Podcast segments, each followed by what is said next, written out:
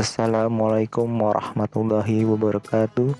Alhamdulillahi rabbil alamin. Wassalatu wassalamu ala ashrafil anbiya'i wal mursalin Wa ala alihi wa sahbihi ajmain. Amma bad. Sahabat-sahabatku, kakak-kakak, adik-adik yang saat ini mungkin sedang melakukan aktivitas kuliah, kerja di rumah, atau mungkin yang masih beraktivitas di luar rumah, Semoga kalian selalu diberi kesehatan dan dilindungi, dilindungi oleh Allah Subhanahu wa taala. Di bulan yang penuh berkah ini, kita dihadapkan oleh musibah besar. Musibah yang melanda seluruh dunia. Musibah yang merenggut ribuan nyawa.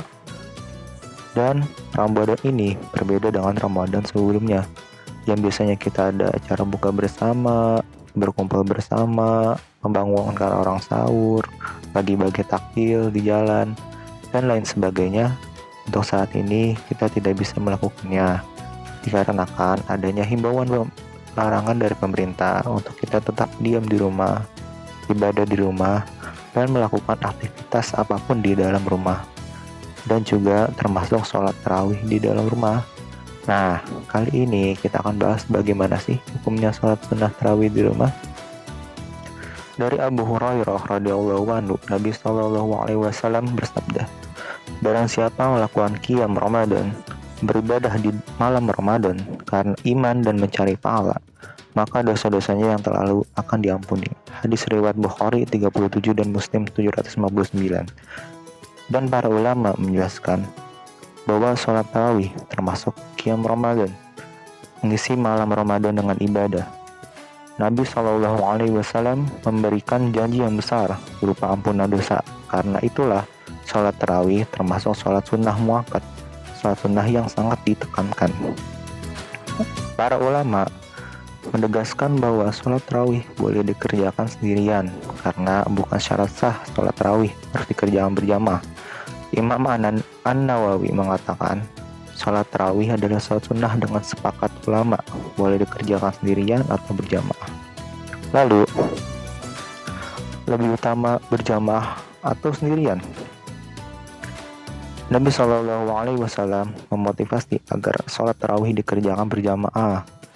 Dalam hadis dari Abu Dzar radhiyallahu anhu bahwa ketika Nabi Shallallahu Alaihi Wasallam sholat hingga pertengahan malam, Sebagian sahabat meminta agar beliau, memperlama hingga akhir malam.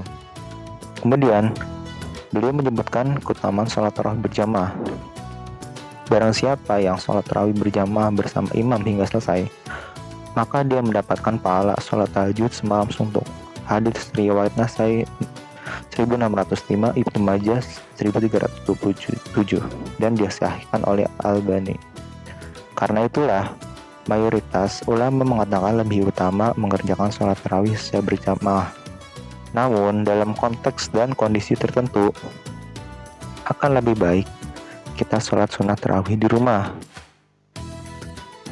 Menurut hadis sahih riwayat Bukhari dan Muslim tentang anjuran sholat di rumah ketika terjadi hujan besar pada hari Jumat dari Abdullah bin Abbas, dia mengatakan kepada muazzinnya ketika turun hujan pada siang hari Jumat, jika eng engkau telah mengucapkan asyhadu alla ilaha illallah wa asyhadu anna muhammadar rasulullah, maka janganlah kamu mengucapkan hayalah sholat. Namun ucapkanlah solu fi buyutikum, sholatlah kalian di rumah.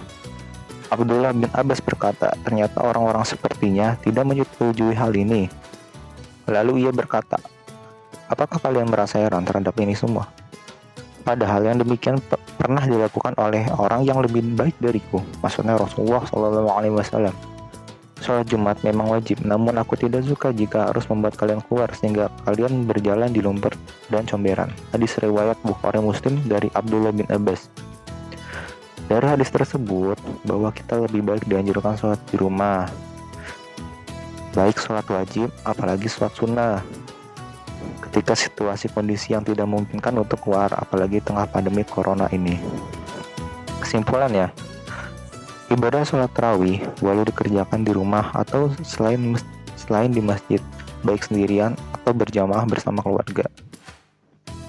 Jika memungkinkan sholat tarawih dikerjakan berjamaah bersama imam masjid lebih baik, pertama karena bernilai pahala seperti sholat semalam suntuk Jika pelaksanaan sholat tarawih di masjid sekitar tidak memungkinkan, maka sebaiknya sholat tarawih di rumah sendirian atau bersama keluarga. Allah wa'ala Demikian pembahasan mengenai hukum sholat tarawih ini.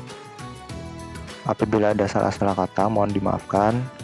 Akhirul kalam, subhanaka Allahumma wa bihamdika asyhadu an la ilaha illa anta astaghfiruka wa atubu ilaik wa lahul muwaffiq illa aqwa min Wassalamualaikum warahmatullahi wabarakatuh.